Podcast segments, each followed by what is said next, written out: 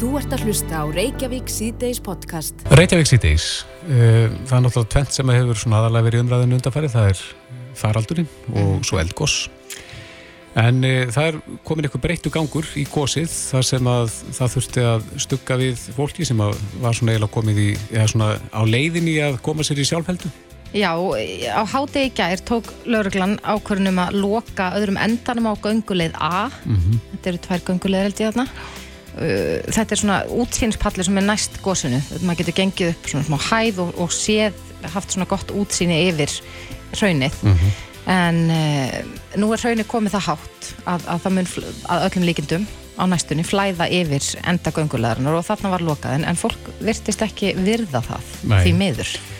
Á línunni er Hjálmar Hallgrímsson, vettangstjóri hjá lauruglun á Suðunni sem gondur sæl. Já, komið þið sæl. Ég tekur fólk því eitthvað illa þegar þið svona beinið því annað. Nei, nei, í raun og veru gerir það ekki. Við, við vorum nú bara að koma rétt í þessu bara neðan að fjalli við lög, lögum til lokannar Mm en það raunnið er komið það hátt þarna. Við vitum ekki hvernig það lokar af leiðinni. Þeir sem hafa vils með þessu, það gerist ó, óvennir hratt þegar það fer að stað. Þannig að þess vegna var tekin ákvörning að loka. Þannig að fólk gerir ekki bara, myndi ekki lokast þannig inni á hólmanum. -hmm. Og við vorum bara að bæta við varnir núna og, þegar við vorum upp frá þá, þá skilduðu allir að þetta væri hættisvæði og það veit ég, það getur ekki svarað því. Þetta getur verið stu tvo tíma eða halvan sólaring, sólaring. Akkurat, en var, var eitthvað fólk um helgina sem var að lauma sér þarna framhjá til þess að, að fá betra útsýni eða hver- hver allir tilgangurinn sé? Já, tilgangurinn er sá, sko, ef fólk verður þarna á, á sko innri stöpulinn þarna sem er beint fyrir ofan, þá getur þú hort á gósið. Nú er að vera búið að loka af þeirri leið, þannig að þú kemst ekki í það gott svona sjónfæri við gósið sjálft, en það er hægt að komast upp á gósinu, nýrandi hraunni og, og allt sem eftir er sko. Já. En er sem sagt eh, að fátt að verðum fína drætti þegar það kemur að því að, að finna góða staðsetningu? Já, til þess að horfa kannski á gósið sjálft sko. Já. Og þá erum við að tala um þarna fyrstu gígana. Já, fyrstu ekki og þann stóra, hann er alveg sko þar sem að göngulegin mun fara í sundur, aðliðin, þar sem raunin mun vella yfir í síðri meðarfali, þá er ekki lengur þetta að komast þarna á þennan góð og, þar, og við sjáum bara reikin sko yfir þennan hól, þannig þú sérði ekki beint gósi. En það er bara náttúran sem ræður þessu. Og það er ekkert við því að gera. En fyrst að það er ekki lengur hægt að ganga upp á og, og fá þetta góða útsýni, verður þyrlum ennþá leift að, að, að sko lenda þar, þannig að fólk getur séð gósið en bara með öðrum leiðum? uh, já, fólk getur náttúrulega alltaf séð uh, gósa sjálft úr þyrlunni. Bara hann lendingu á þessum hól þarna eða nærri, það er eitthvað sem er á milli sem að, uh, bara Ísafi er með, hvað, hvað er að hafa leiði til. Við hefum ekki haft neginn afskiptaðum hinga til og þetta er bara, það er allt sem hann háði öðru líka. Hvernig, hver er samsetningin á ferðamönnum þarna núna? Er, er uh, erlendi ferðamenn að, að sig veðrið svona þegar það kemur að, að helda fjöldanum? Já, klárlega, klárlega. Við, við vorum þarna nú í einn og hálf tíma. Já, já, það er mikið erlendur ferðamönnum og í blandi Íslendinga en meira hlutin eru erlendur ferðamenn. Og það er svona, við erum að fara að byrja það sem það gerist núna bara annan júni og þá verða ráðni hérna landverðir Mm og þeir koma inn á svæðið og, og til aðstóðar og það mun létt undir bæði með lögreglu og, og björgunarsveitum. Hvert verður þeirra hlutverk? Já, það er nú eiginlega bara að vera leiðbeinandi. Að vakta svolítið í gangulegðunar, leiðbeina fólki að vera ekki hér og ekki þar og ef það eru breyti, breytilega vindáttir, breytingar á gósinu, þá eru þeir svona, já, svona vakta svæðið og leiðbeina fólki að svona færi sér ekki að voða. Já, verða þeir með eitthvað valdheimildir? Það er nú ekkit sko, það hefur nú ekki komið til tals en þeir starfaðu hlýð Björgunsveit og Löruglu, við erum alltaf með þeim. Þetta er nú bara svipað og hlýðir nú sundlögaverðinum, það er nú bara þannig. Já, þó að hann setji með mikla valdheimildir. Nei, akkurat, er, enda fólk hefur alveg farið eftir fyrirmælum og, og skilið af hverju við hefum farið í hinar og þessar aðgerðir. Akkurat.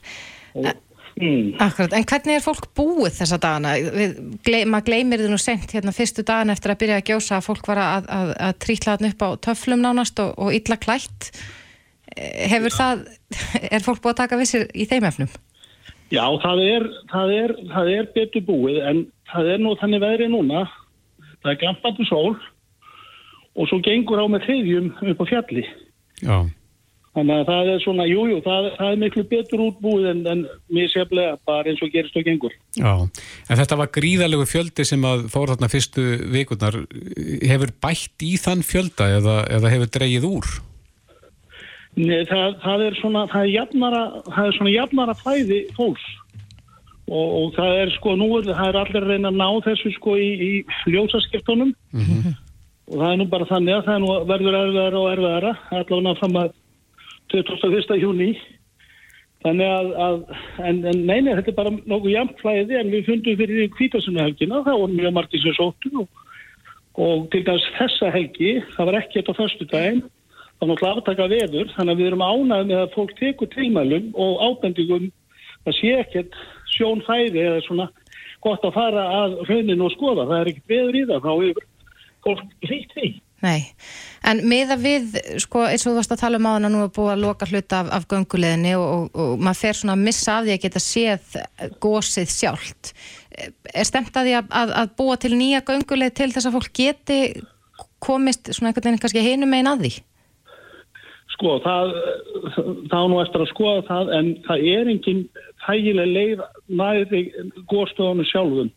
Þetta er orðið svo mikið sko flæðið sem er komið í kringum en það að sjálfum en gígnum er bara mjög erfitt að komast að.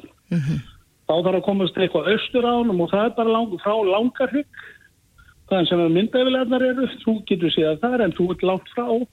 Þannig að fyrir þá sem hafa ekki ennskoða gósið þá, þá verður þetta aðeins önnur sín, meira hraun heldur en sko eldgós. Já, það, það má svona búast við því en hins vegar alveg svo hefur komið í ljós áður að, að við veitum ekkert hvaða breytinga verða á næstunni og hvað maður gerast þannig að við erum bara að taka þetta dag frá degi. Já, og það er engin hluti af nýja hrauninu sem er óhætt að ganga á. Nei, ekkert af hrauninu er óvægt að ganga á.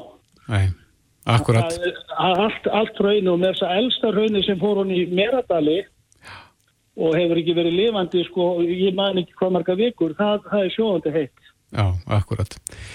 Hjálmar Hallgrímsson, vettnángstjóri hjá lauruglunni á söðunni sem gangi ykkur áfram vel að, að hafa stjórn á svæðinu og fólkinu þarna. Takk fyrir. Þú ert að hlusta á Reykjavík C-Days podcast. Reykjavík síðdeis. Uh, það eru fína fréttir í dag þegar það kemur að smituðum. Það var enginn sem að greindi smitaði síðasta sólarengin.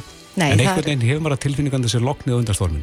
Já, allavega svona meða við fréttaflutning af helginu og það sem maður hefur séð, það var mjög mikið af mannamátum um helgina. Já. Útskriftaveslur og, og a, a, svona tilfinning mín er svo að það er ekkit endilega allir að virða tvekja metra regluna Nei. sem er enn í gildi. Einmitt. Og einhvern veginn finnst manni svona andin í samfélaginu að vera svona, þetta er búið. En uh, þetta er svo sannlega ekki búið. Nei, og það er alltaf verið að hvetja okkur til þess að- að hætta ekki svona á loka metrunum. Já. Þorlu Guðnason er á línunni, kom til sæl. Já, sæluriði. Tekur þú eftir svikalokninu? Já, ég veit ekki hvað að kalla það en uh, svona, ef maður er svona áekifullur og svarsýt þá getur maður að kalla þetta svikalokn. Já. En uh, jú, jú, vissulega er, menn eru orðnir bjassínir og slagir svolítið og, og hérna og, og þetta kannski eh, getur maður með sanni haft einhver ákveðnar áhyggjur af, af hvað muni gerast en það verður bara komið í ljós en ég hef nú svona kannski full að trúa því að að það er sé komin það mikið svona mótstað í samfélagi með þessum bólusetningum. Það er búið að bólusetja hvað um 100 og rúmlega 170.000 manns eh, einu sinni allavega og þannig að það er góð, góð mótstaða en við getum svo sem áfram fengið einhverja svona litlar hópsíkingar held ég þrátt fyrir það. Hven, ef, segjum sem svo að það hafi orðið eitthvað um smitt núna um helgina þegar að fólk var svolítið að koma saman. Hvena sjáum við afleðingarnar af því? Já, við munum sjá það þá núna í vikunni og, og setni part vikuna sérstaklega þá held ég að þetta komi ljós. En á morgun tekum við nýr mánuður og á miðnætti rennur út reglugjör sem hveður á um skildudvöl í sóttvarnarhúsi fyrir fólk sem ferðast frá há áhættu svæðum. Hvernig líst þér á þessar breytingar? Mér líst í sjálf og sér ekki dilla á það. Þetta, þetta er svona að renna út vegna þess að samkvæmt reglugjörðinu þá eru bara alltaf fleiri og fleiri þjóðir að fara að þessum áhættu lista. Þannig að þetta er svona kannski, má segja, sjálf uh, hætt í sjálfu sér. Þannig að uh, þannig ég mér líst nú ekki dilla á það og það mun einfalda líka eftirlítið á og framkvæmdina landamæranum tölvert. Já, Aðeins að öðru þórólfu, það er hérna fréttin af vísi.is sem að það sem segir að óléttar konu fái misvísandi stílabóð og upplifa óvissu og þetta er eh, allt vaðandi inn á alls konar spjallþráðum þar sem að óléttar konur er að spjalla saman, það sem er svona eh, fólk veit ekki í hvort fótinn á að stíga. Já, já. Eh, hvernig Jú, er með þennan ég, hóp? Ég, ég hef hýrt það og verið spurður um það marg ofta. Það er þannig að að við uh, höfum, sko við erum yfirleitt freka trega á að vera bólusetti að þungaður konur nema það sé virkilega ástæði til þess og það eru svona misvísandi upplýsingar um það uh, hvort að COVID-19 sé stór áhættu þattir fyrir þungaður konur ekki og sumar rapport segja jú, það er aukin áhættu að aðri segja nei. Þetta er allavega ekki greinilega áhættu að fyrir þungaður konur eins og eins og til dæmis influensa eða, eða til dæmis eins og svínaflensa var hérna á sínu tíma. Mm -hmm. Þannig að við höfum sagt að, að, að jú, það getur verið ástæði til að bólsölda þunga konur, sérstaklega þeir eru með undirliggjandi aðra áhættu þætti. Eh, en við ráðlegjum konum að ráðfara sig við sína lækna sem er að fylgjast með þeim í meðgöngunni mhm. -huh. og ekki að bólusetja þar á fyrsta eh, trímestri svo kallað, það er að segja fyrstu svona tólf vikurnar að bólusetja frekar en að býða með þá þannig að þeir komið lengra inn í, inn í hérna þungun mm -hmm. en... og, og við hefum sagt að þetta, en, en þetta verða konur að velja á ákveða sjálfar og, og það er kannski óvissan í því að, að við erum ekki að segja alveg af eða á en þannig er það bara, það er, það er engin alveg, alveg klár lína í þessu. En það er eins og að vanti og fólki finnist vanta eitthvað leiðbenninga með þessu að, að, hérna, að þetta sé ekki bara þið veljið að það sé, sé eitthvað fleiri leiðbenningar sem fylgja? Já, ég veit ekki hvað fólki finnst en við erum með leiðbenningar á okkar heimasíðu og helsugjastlan og mæravendinni með leiðbenningar þannig það eru leiðbenningar hérna og, og hérna og þær eru kannski ekki skýrar en þetta vegna þess að, að við erum að að setja þetta í hendutan á konunum sjálfum að, að ákveða hvort það vilji fara í bólusetningu mm. ekki og þeirra læknum sem að þekkja það best og hvort það eru með undirlíkjandi sjúkdóma og svo framvist taka ákvörðunum það. Er það vegna þessi, er þið tregvið að, að bólusetja þennan hóp vegna þess að það vantar rannsóknir? Já, það er bara þannig alltaf að maður er tregur á að setja þungaður konur á líf eða, eða bólusetja nema þessi algjörlega liggi alveg fyrir að það sé þörf á því og áhættan sé uh, lítil sem engin. Þannig að maður vill fara bara mjög varlega í það að gefa þungum konum líf eða, eða meðhundlaðir á einhvern annan átt nema þessi algjörlega nöðsilegt. Mm -hmm. Það hafa einhverjar uh, ófrískar konur stíði fram og, og sko sagt að, að þetta veki óhug og sérstaklega í ljósi þessa að það verðist vera sem svo að, að veiran sé enn út í samfélaginu. Er mælt með því að, að þessar konur einungra segja einhverju leiti eða lifi bara lífin eins og allir hinnir? Nei, það þarf ekki að einangra sig það er bara, og við erum ekki að byggja neitt um að einangra sig, við erum að byggja bara um fólkum að fara til þessu grundvallar atriðum um, um sóttvarni sem við erum að, búin að tönglast á núna síðastleina mánuði og, og hérna það þurfa ekki að fara neitt öðruvísi að því. En þetta ætti að forðast mannamót og eins mikið eins og hægt er og, og, og sérstaklega kannski það sem það þekkir ekki fólk og trengsli það sem það er ekkert að verið að tvekja með þetta regluna en, en það er bara svo margt eh, sem að þungar konur þurfa að passa sig á og það er ekki bara COVID, það er alls konar síkingar og því og líkt sem að, sem að, sem að þær fára upplýsingar um uh, í sinni maðuravend og, mm -hmm. Og, og, og þannig að þetta er svo sem ekkit uh, einskorðast ekkit bara við COVID-19. Nei, en þú nefndir hérna á hann viðnámsþróttin út af öllum þessum bólusetningum. Já. Erum við fann að sjá það í tölunum? Já, sko, það er ekkert að mæla það. Það er eina sem við getum, eini, eini árangurinn af því er að sjá að við sjáum bara ekki eins mikla útbreyðslu eins og, eins og áður og ég held að við getum sagt það núna, veiran er hérna út í samfélaginu, við erum ekki að sjá einhverja stórar faraldra eða stórar hópsíkingar eins og vorum að sjá áður, hvort að er út af bólusetningunum eða bara þessi eh, samverkun á milli allra þessara aðgerða sem fólk er að viðhafa, þessar sóttvarna pluss bólusetningar það, það er örgulega, e, sko, við getum kannski þakkað að því. Við erum líka að sjá tölur ellendis frá, sérstaklega frá Ísrael að, að e, þegar þeir voru að bólusetja mikið sitt eldra fólk og áhættu hópa að, að þá fækkaði síkingum verulega hjá uh, yngra fólki sem að var óbólusett og það er merkið um hjarðónæmi, þannig virkar hjarðónæmi. Þannig það er ekki að segja, sko, það er ekki að gefa einhverja eina ákveðna tölu fyrir hjarðónæmi þó að að maður hafi sagt að maður sé miða kannski við svona 60-70% og þá sem maður komið með kannski gott hjarðónami. Hjarðónami er svona, kemur hægt og bítandi og, og hérna eftir því sem maður meiri útbreysleiri bólusetning því meira og betra er hjarðónamið. Mm -hmm. Það er búið að segja frá því að í næstu viku hefjist þessar handahófskendu bólusetningar og líklegast allir á aldrinum sem eru fættir frá 76 til 2005 eh, bara býða spenntir eftir að fá vonandi bóði bólusetningu eh, er, er verður þetta þannig að það verður bara nánast dreyið úr hatti hvaða árgangur er undir? Já, það verður nánast þannig og, og það er búið að vera að ræða mikið hvernig þessi handahóskenda bólusetning á að fara fram og það er að gera hana með svo sem ímsum hætti en þetta þótti svona einfaldast í, í framkvæmdinni að, að, að raun og veru að taka hvern árgang handahóskend og bólusetja þá fyrst og taka svo handahóskend eh, sko annan árgang halda þannig áfram. Þetta verður ekki á landsvísu heldur að verður þetta hverjum stað fyrir sig þannig að það er ekki vist að, að sami árgangur verður bólusettir í einu hér á höfuborgarsvæðinu og kannski fyrir norðan eða eitthvað svolítið. Þannig að þetta er svona þetta handahóskendan mm -hmm. nálgun sem við ætlum að nota. Er það þá allir á bólusettir í potinum? Uh, meinar í eldri árgangum Nei, bara þeir sem eru á eftir að bólusetja eru þeir allir í pottinu já, já, það er, er engin undanstílinn þar? Nei nei, nei, nei, þeir eru fá bóð og, og þá náttúrulega þeir verða bara ákvæðis hvort þeir mæta, ég mæta ekki. Sumir hafa verið að erkja sig á því að, að fá bóð í bólusetningu að því þeir vil ekki láta bólusetja sig en fólk getur þá bara slefti að mæta ef það vil ekki, en það getur líka látið vita uh, hvort að inn, inn á helsugjæslu þannig að þetta merkjað í grunninu þannig að það þá á fólk ekki að fá bóð. Nei.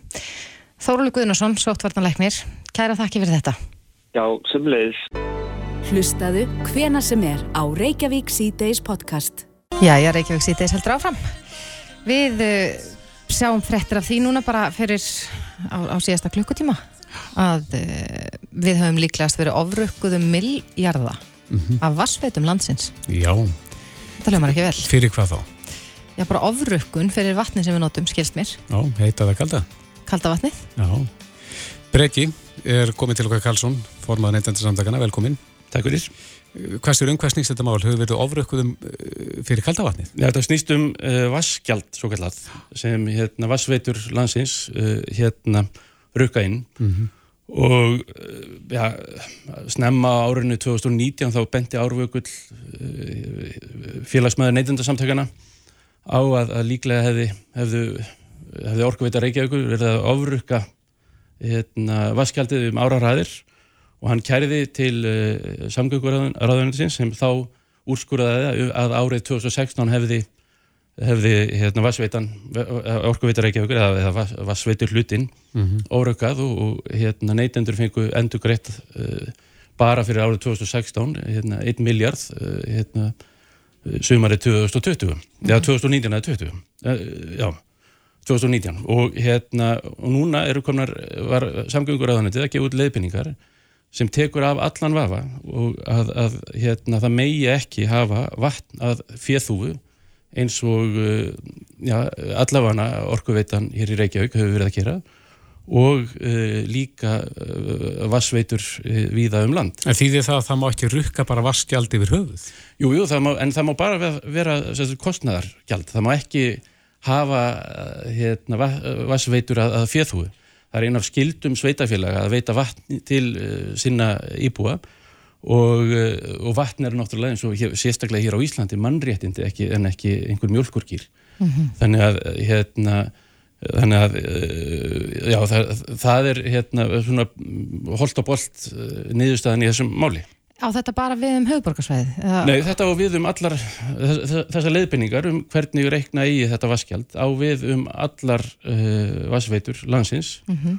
og við vitum það að, að vassveitur hafa verið að greiða háar arðgreðslur til uh, sinna eiganda sem eru sveitafélugin sem er uh, bara hérna, bara ólöglegt samkvæmt, þessum hérna, og óheimilt samkvæmt þessum hérna, leifbyningum. En hvað er þetta, er þetta háar fjárhæðir ef við bara Já, við- skoðum meðal heimili, heimili, hvað er vastjaldið hátt? Það, þetta, eru, þetta eru kannski ekkit stórkostlegar upphæðir fyrir hvern og einn en þetta er svona í þessu kristallast kannski neytenda uh, mál svolítið, þetta eru ekki háar upphæðir fyrir hvern og einn en þegar, en, og, og, þeir, og sagt, kröfurnar eru dreifðar eða hagsmunirnir eru mjög dreifðir en uh, fyrir uh, einn aðila sem, sem stelur þúsund kalli af, af, af hérna, þúsund manns þá eru þetta háar upphæðir. Uh, hérna, bara svona til viðmiðunar þá var hérna, úrskurðaði ráðunitið að, að bara fyrir árið 2016 hefði, hefði hérna, orkveita Reykjavíkur ofgreitt, eða of- oftekið gjöld og uh, það, það sumar þá endur greiti það um 1 miljard uh, hérna, til sína notenda en aftur þetta er náttúrulega dreifist á mjög uh, margar hendur þannig að þetta kannski uh, já, skiptir hvern og einn ekki miklu máli en, en, en A, rétt skal vera rétt og, og B, þegar að margir aðilar fara að seilast í vasamanns og, og taka eh, ofháar upphæðir þá, þá hérna sapnast það þegar að saman kemur. En þýðir þetta, það segir hér í greina vísi að, að Vassveitan hafi greitt arð sem namn 2 miljónum króna til eiganda síns í fyrra. Þýðir þetta megi ekki greiða arð? Það þýðir það að, að, að, að, að sagt, það megi ekki já, taka arð af, af hérna, eða, eða hagnast óheirilega af uh, hérna, vassveitu. Þá erum við bara að tala um kaldavatni. Var bara að tala um já. En ef þetta skiptir neytendur ekki svona miklu máli, en þetta getur þá bara sett stórstrik í reikning sveitafélagana, heldur að uh, íbúar sveitafélagana vilji það endilega að, að það veri gengið hart eftir í þessu máli? Þetta er náttúrulega annar, annar vasin er að greiða hínum svo sem að, að hérna, en rétt skal vera rétt að á ekki að nýta fjármunin sem verða til í, í, í þessu í, óráðsíu sem, hérna, sem til dæmis hefur fengið að, að hérna, í gegnum tíðina að, já, verið víða í, maður, maður, maður hérna, nefnir já, ónýtt hús hérna upp á, á hérna, uppsveitum Reykjavíkur hérna, Höfustöðar orkuveitur. Já, nákvæmlega, maður nefnir hérna rísa, rækju, eldi og, og svo framvegis. Uh, þetta er, er meðal annars hérna, það, eitt af þeim því sem ekki má nota hérna, þessa peninga í. En uh, er þetta svona gegnum sneitt yfir landið? Við vitum það að, að, að, að það eru fleiri vassveitur sem hafa verið að greiða háar argreislu til sinna sveitafélagi, já.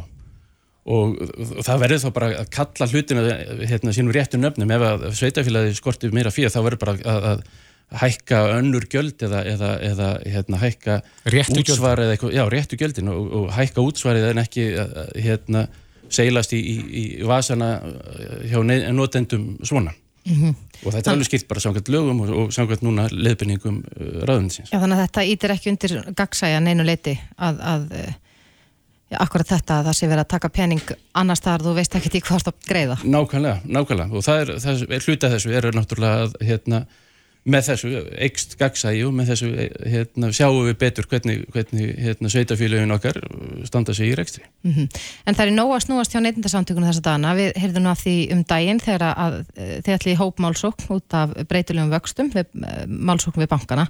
Hvernig gengur það? Heldur betur, já, það gengur bara stórvel uh, og, og bara gaman að segja frá því að, að uh, þúsundasti þáttakandinn skráði sér til leiks í dag í, hérna, í vakstamálinu og, og ætlar að taka þátt í þessu þannig að við erum komið með þúsund manns sem ætlar að, að taka þátt í, í þessu með okkur sem er bara uh, líklega verður einn svona fjölmennasta uh, málsókn landsins sem, sem allavega sem ég veit um að, að, hérna, og, og við erum hverginn er hætt það, hérna, það, er, það er ennþá opið og ennþá, fólk getur ennþá farið á vakstamálið.is og skráð sér til leiks. Og hvenær var búast við niðurstöðu í því máli? Það getur tekið nokkur ár. Þetta mun náttúrulega fara fyrir hérastóm og, og líklega hérna, fyrir eftadómstólinn í, í ráðgjandi úrskurð og, og, og væntanlega fyrir hæstarétt líka. Þannig að, að á endanum kemur þetta einhverjum skorpum. Vonandi að ári fáum við niðurstöðu hérastóms og kannski eftir tvö, tvö, tvö, þrjú ár uh, hérna, neðustu hæstaréttar í þýmáli. Það skiptir mála að hafa fleiri en færri með í þessari málsók. Þú segir að þúsundasti skráði sig í dag. Já, það skiptir aðalega máli fyrir fólk sjálft að taka þátt sem fyrsta því þá getur, uh, þá getur okkar lögfræðingar unnið kröfugerð fyrir hönd fólks og þar með rofið fyrningafrest, eða sliti fyrningafresti og þannig hérna, getur fólk fengið dráttarvexti á sína kröfur frá með deginum sem, sem hérna, krafan er gerð þannig að, að, að, að það kostar ekkert að taka þátt uh, en, en það er bara ávinningur af því ef, ef að málið, eða mögulegur ávinningur, mögulegur ávinningur skulle við segja, ef að málið vinst mm -hmm. því að þá getur fólk fengið hérna, kröfurnar og með, með náttúrulega dráttarvöxtum frá með deginu sem krafan er gerð. Þannig að borgar sér ekki að draga lappita með þetta? Um að gera skrásið sem fyrst. Breki Karlsson, formaða neitindarsamtakana. Takk kærlega fyrir komuna. Bestu þekkir. Reykjavík síðdeis á bylginni. Reykjavík síðdeis heldur áfram. Uh, svo, frekar svona sláandi setning, fyrsta setningin í grein sem byrtist inn á vísi.is í dag en þarna skrifar formaður landsambands lauruglumanna. Mm -hmm. Hann segir ekki verið umflúið lengur að segja almenningi sannleikan um ástand lögjæsla á Íslandi. Þetta Já. er uh, alltaf sama tökkan finnst manni Já. að uh, lauruglumenn og konur eru að fá. En hafa menn ekki sagt sannleikan þá hinga til? Já, kannski ekki eins umbúða löst og, og uh, kemur fram í þessari grein en um, þarna er talað um að það er búið að vekja aðtikla á þessu í núna þó nokkur ár mm -hmm. að, að það stefni í óefni. Já. Nú formaður landsambanslauruglumanna, Fjölnir Sæmundsson, er á línunni og er á vakt. Erum við nokkuð að tröflaði frá skildistörunum, Fjölnir? Sæl? Nei, nei, ekki okkur að núna. Herru, en, en ja, eh, það, er ekki kom, það er ekki komist hjá því að segja sannleikan? Nei, það er rétt. Hver er sannleikurinn svona umbúða laust? Já, umbúða laust er sannleikurinn að sá að þarna, þann fyrsta mæ núna, þegar þarna við áttum að hafa það betra með styrtri vinnutíma, mm -hmm. að þá bara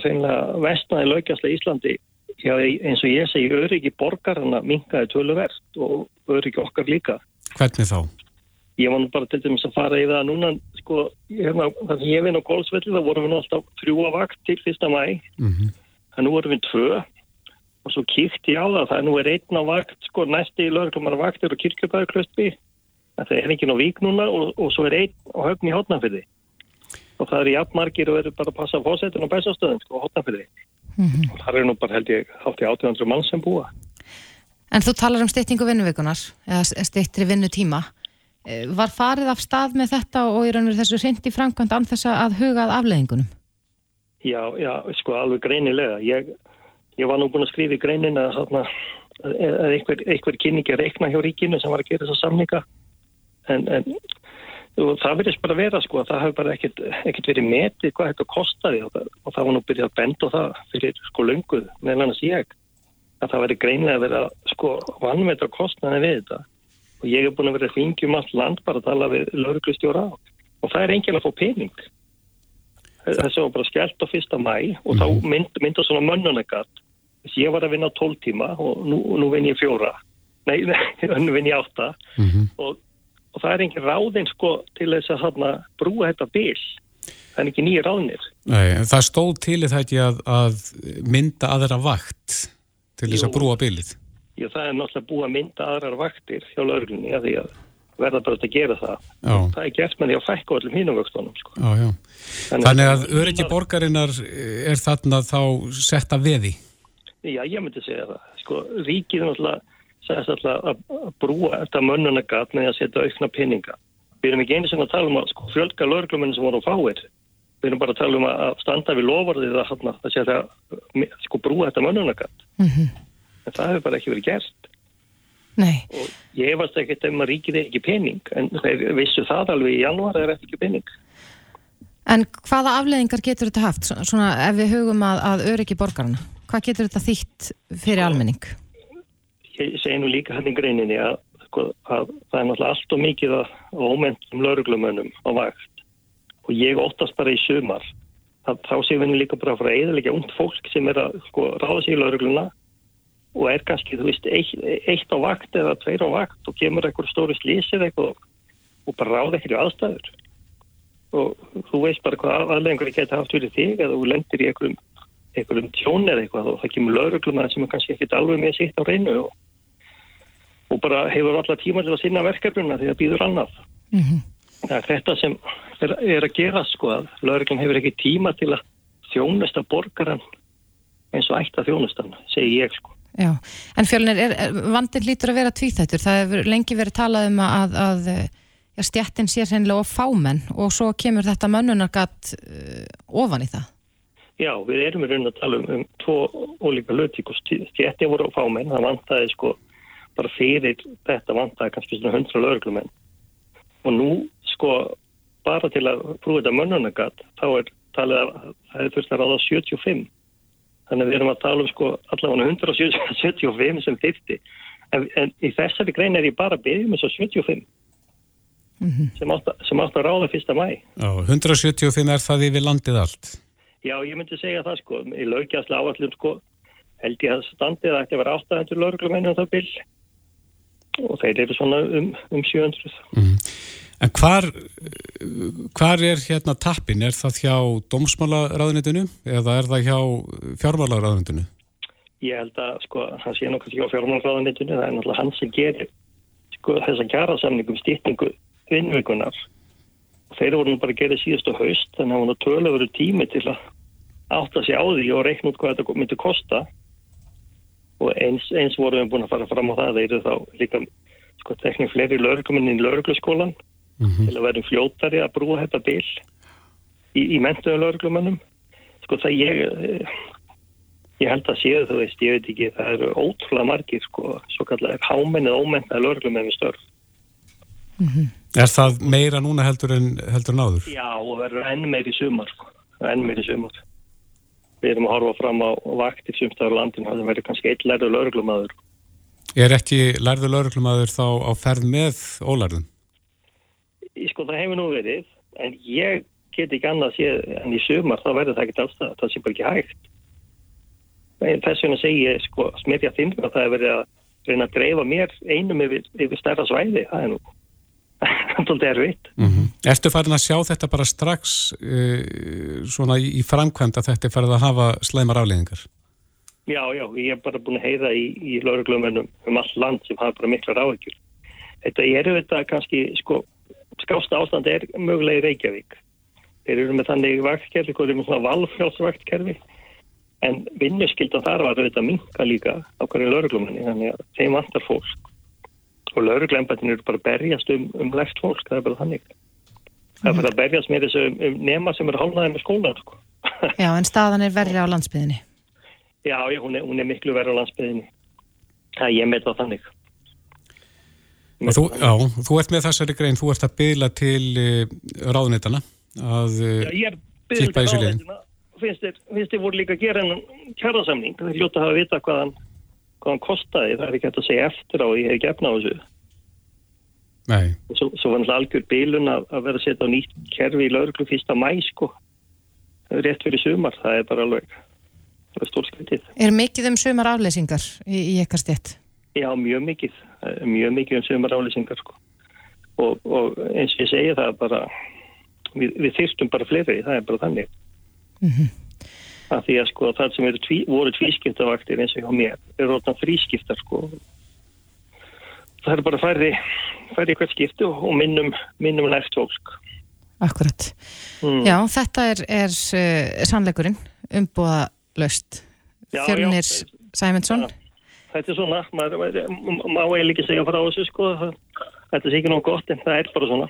Já, Fjölin Sæmundsson, formadur landsabands lauruglumanna, kæra þakki fyrir þetta. Takk fyrir. Þetta er Reykjavík C-Days podcast.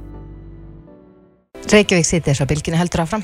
Ég man svo vel eftir því að hafa verið í, það var í skóla mm -hmm. og við mhm. læriðum um þarna einbyrðni stefnuna í Kína Já. og mér þótti þetta svo fyrðulegt að það var verið að sko banna fólki að eignast fleirin eitt börn, mm. barn en það var þannig frá árinu 1979 til þess að stemma stigu við mikillir fólksfjölgun í Kína Já. að fólk mátti bara eignast eitt barn og ef það eignast fleiri þá þurfti það að borga að hafa sektir mm. En ég held að þessi stefna hafi síðan komið inn í koll af því að uh, þeim fækkar held ég kýmurum mm -hmm.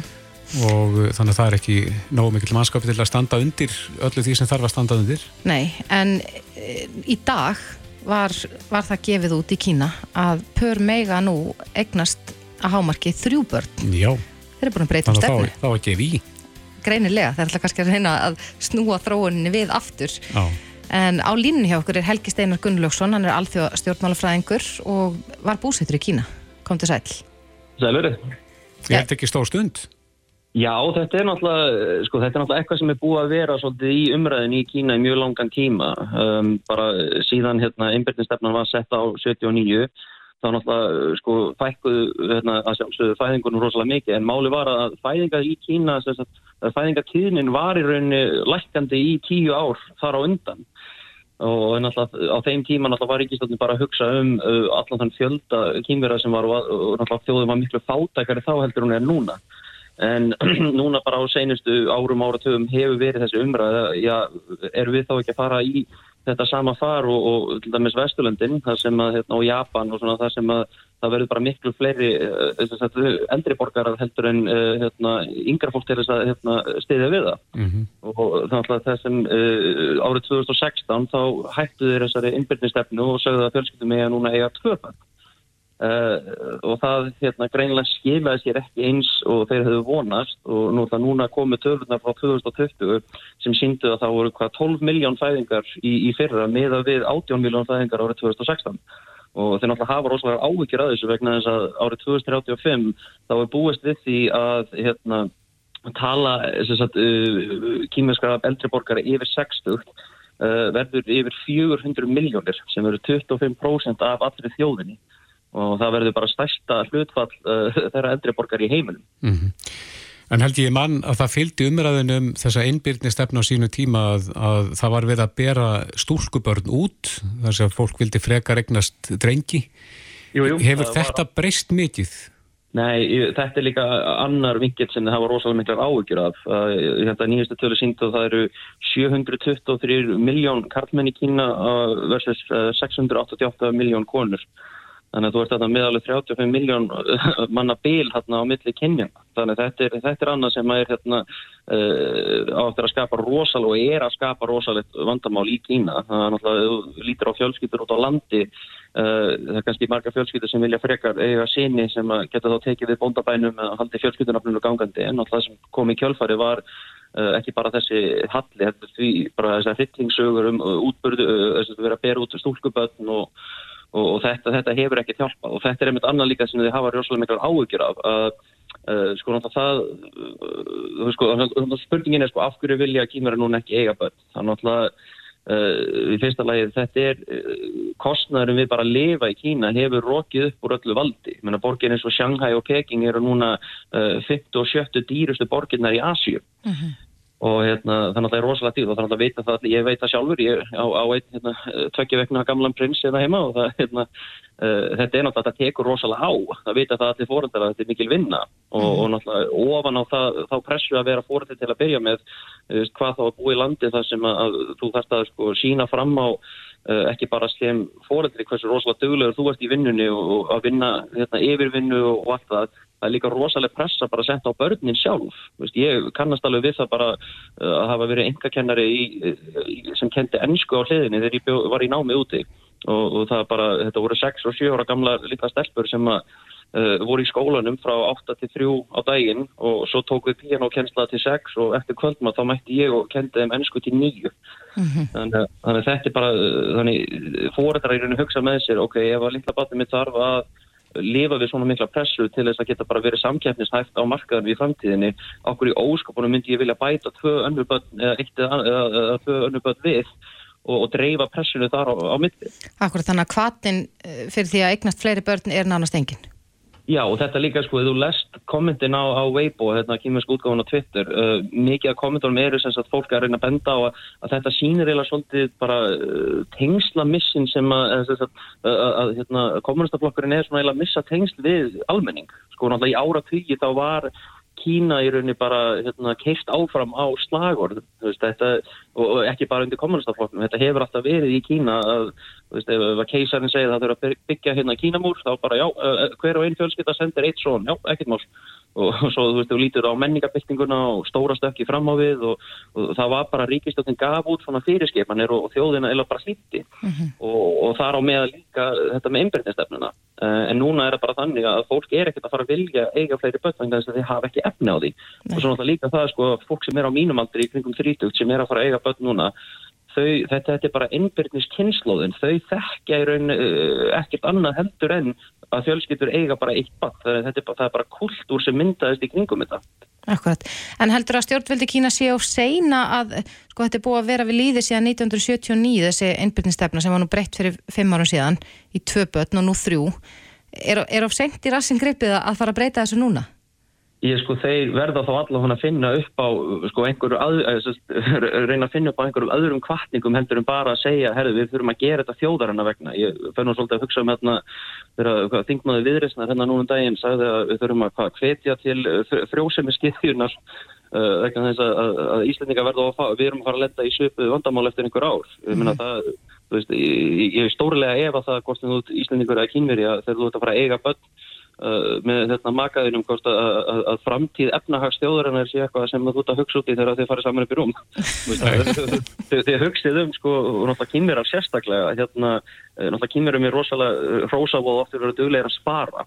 Og það er eiginlega bara einfallega vegna þess að þeir hafi ekki þetta öryggisnett sem við höfum á Vesturlandunum.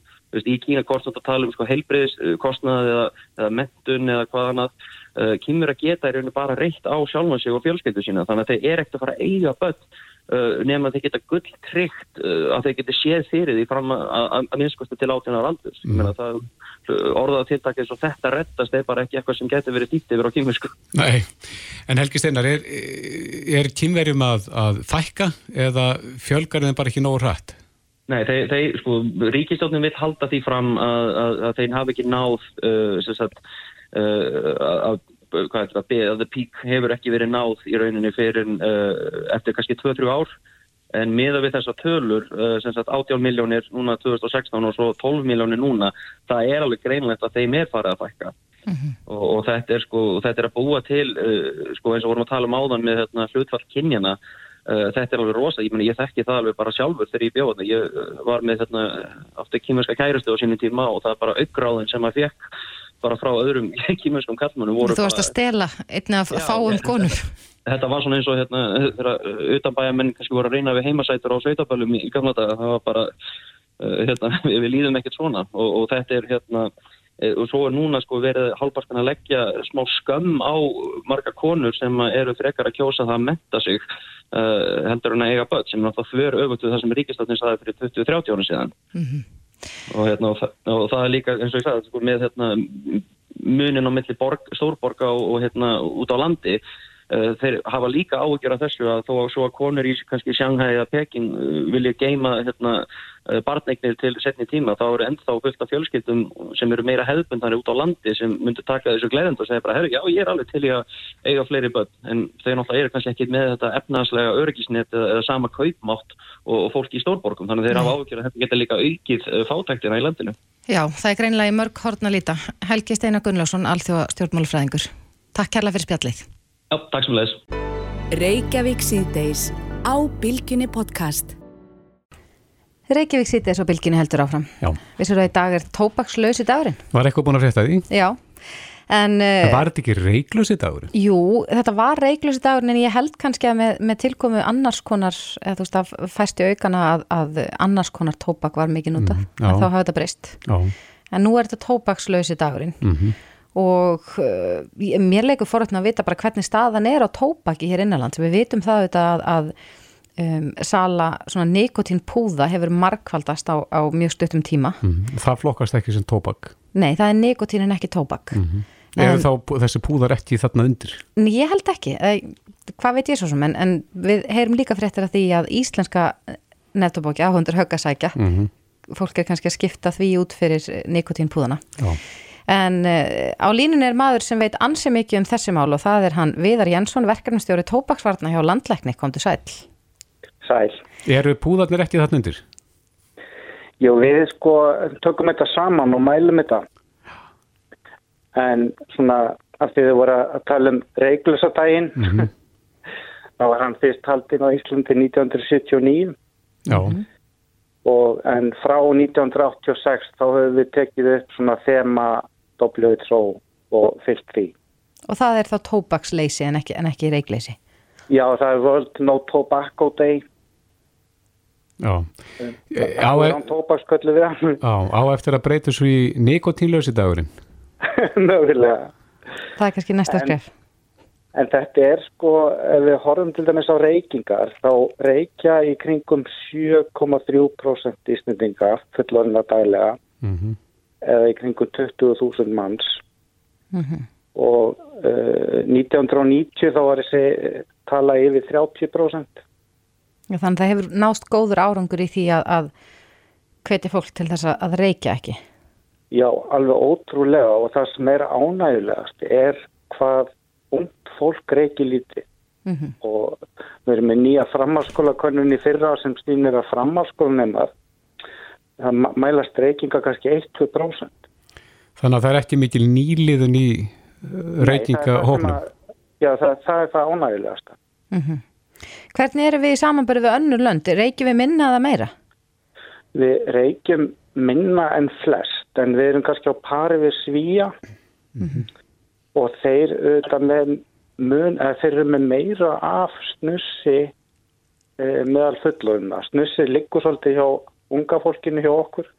Mm En, En akkurat, en við erum eins og, við eins og ég sagði hér áðan að þá e, fengum við nú fréttir af því að sala á íslenska nefntópakina hafi dreigist saman verulega í, í áfengis- og tópaksvæslinni. Er fólk að færa sig yfir í, í þessa nikotín púða? Bæði þá frá Já, því að reykja já, já. og, og uh, nota íslenska nefntópakið? já, við sjáum það sko, sala átjáðaferð á íslenska neftópakinu minkaði úr 46 tónnum 2019 í 25 tonn í fyrra, eða nánast helming. Já. og þegar við horfum á tölur til dæmis eins og reykingar og vorum að tala um á þann að þá reykja 7% daglega og kannski þrjú öðru kvoru kringum 10% en ef við horfum á nikotínbúða þá er þetta svipaðar tölur þetta er álíka mikil nótkun í heildina en liggur samt hjá unga fólkinu Já. En hvernig er, er flakkið þarna milli þar að segja, er, er fólk að fara úr tóbækinu eða veipinu yfir í púðana eða, eða er fólk bara Já. sem hefur aldrei reykt, er það að byrja að taka í, í vörunu? Já, það eiginlega hlýtur að vera svoleiðist því að ekki eru að hætta að reykja og rafrættunótkun, hún hefur minkað mjög mikið. Á tímabili höfum við miklar áhugir af rafrættunótkun, sérstaklega meðal ungsfólks og mældu, hún mældist í kringum 12% sko síðustu 30 daga á meðal í, í tíundabæk. En, en hún hefur alveg hrapað og, og einsleikið fram á skólanum og það er bara svo, þetta hafi bara verið dískubilkja. Akkurat. En hins vegar þá kom fram í, held ég, kastljósum dagina að, sko, að þriðjungur Íslendinga á aldurum 18-34 ára noti nikotínbúða daglega. Þannig að, að, að það er heldur betur að bætast í þann hóp. Já og það er þessi nýja nótkun. Uh, Við mælum uh, í kringum 30% bæði meðal stúlkna og drengja 18-24 ára og þetta er ótrúlega háar tölur. og þetta er auðvitað fólk sem er ekki að hætta að reykja og mögulega einhver er að færa sig úr afréttum og auðvitað úr íslenska neftóbakinu en, en þetta eru rosalega tölur. Og stendur eitthvað þá til hjá ykkur að, að fara í ykkur herrferð gegn þessu eða, eða er þetta í lægi? Nei, nei, þetta, það sem skiptir sko mestu máli þarna er að þegar krakkar eru að fara að byrja að nota þetta, þetta er ávanabindandi, nikotín er ávanabindandi og mjög slæmt að ung fólk sé að byrja að nota þessar vörur. Og nú liggur fyrir frumvarp um að setja nikotínbúana undir lögum raðrættur og það hefur bara sínt sig að aðgengi, banna á auglýsingum og sínileika á vörum í almennu verslunum að það hefur verulega áhrif og auðvitað vonum við bara að þetta frumvart fari í gegn. Mm. Það er semst ekki bannað að auglýsa nikotínpúða í dag. Nei, það er nefnilega ekki bannað. Nei. En ég verð að segja fyrir mitt liti að, að þegar ég sé fólk reykja, bara síkaretur, ég verð alltaf að nissa. Já, Þetta, þetta kemur alltaf efni ekki óvart að það skulle einhverjir ennþá vera að sjúa þennar reik ofan í sig. Já, og það er líka bara svo hættulegt að reykja. Ef við skoðum bara, þú veist, þann litteratúra þá er hann alveg rosalega. En eigum við eftir að komast að því sama um eh, sko bæði rafrætturnar og nikotínpúðana, þetta er ekki eins skadalust og, og fólk vil meina? Sko rafrætturnar, hérna, þær voru að aukast hjá okkur, nótkun á rafrættum hjá fullornum, kannski upp úr 2015, mm -hmm. en svo bara í fyrra þá hefur þessi tala alveg stabiliserast, hún er í kringum 4% fullorna sem notar rafrættur og auðvitað hafa einhverju notar afrættu til þess að hægt að reykja og þá er það bara jákvæmt. Mm -hmm. En Viðar, þú talar hérna áður um, áðan um sko tölur þeirra sem að uh, tölur við þá sem reykt árið 1990. Ef við horfum á þetta svona heildrænt, eh, er færri að nota nikotín? Þú veist núna eru bara komnar alls konar útgafar af nikotíninu. En alltaf séu færri sem að eru, já, háðir nikotínu núna en þá? Sko ég er bara sennilega ekki viss um það sko því að við horfum á þessar tölur eins og vorum að tala um að 7,3% reykja daglega eh, kringum 20.000 manns mm -hmm. að ef við förum bara til að ásins 2010 að þá reyktu í kringum eh, 15% og, og þá er það 40.000 manns sko og ég En það sem að auðvitað skiptir mestu máli, eins og við vorum að tala um, er hvað það er hættulegt að reykja. Sko. Reykurinn, það eru fjögur þúsund efnasambund í reyknum sem eru bara svo hættuleg -hmm. Að draga onni í sig. Sko. Það er alltaf annað varðandi nikotíni, það eru þetta áanabindandi og, og e, ekki aðskilast sérstaklega ekki fyrir ung fólk. Nei, einmitt. Er bara fyrir nokkur mann að, að gera þetta. En Viðar Jensson, verkefnastjóri Tópaksvarnar hjá landlækni uh, Tópakslausi dagurinn er í dag og það er spurning hversu margir hafa svona eh, nýtt hann til þess að reyna að losa sig við þetta vonandi sem flestir Vonandi, já. Takk fyrir þetta. Takk. Reykjavík síðdeis á Bilginni podcast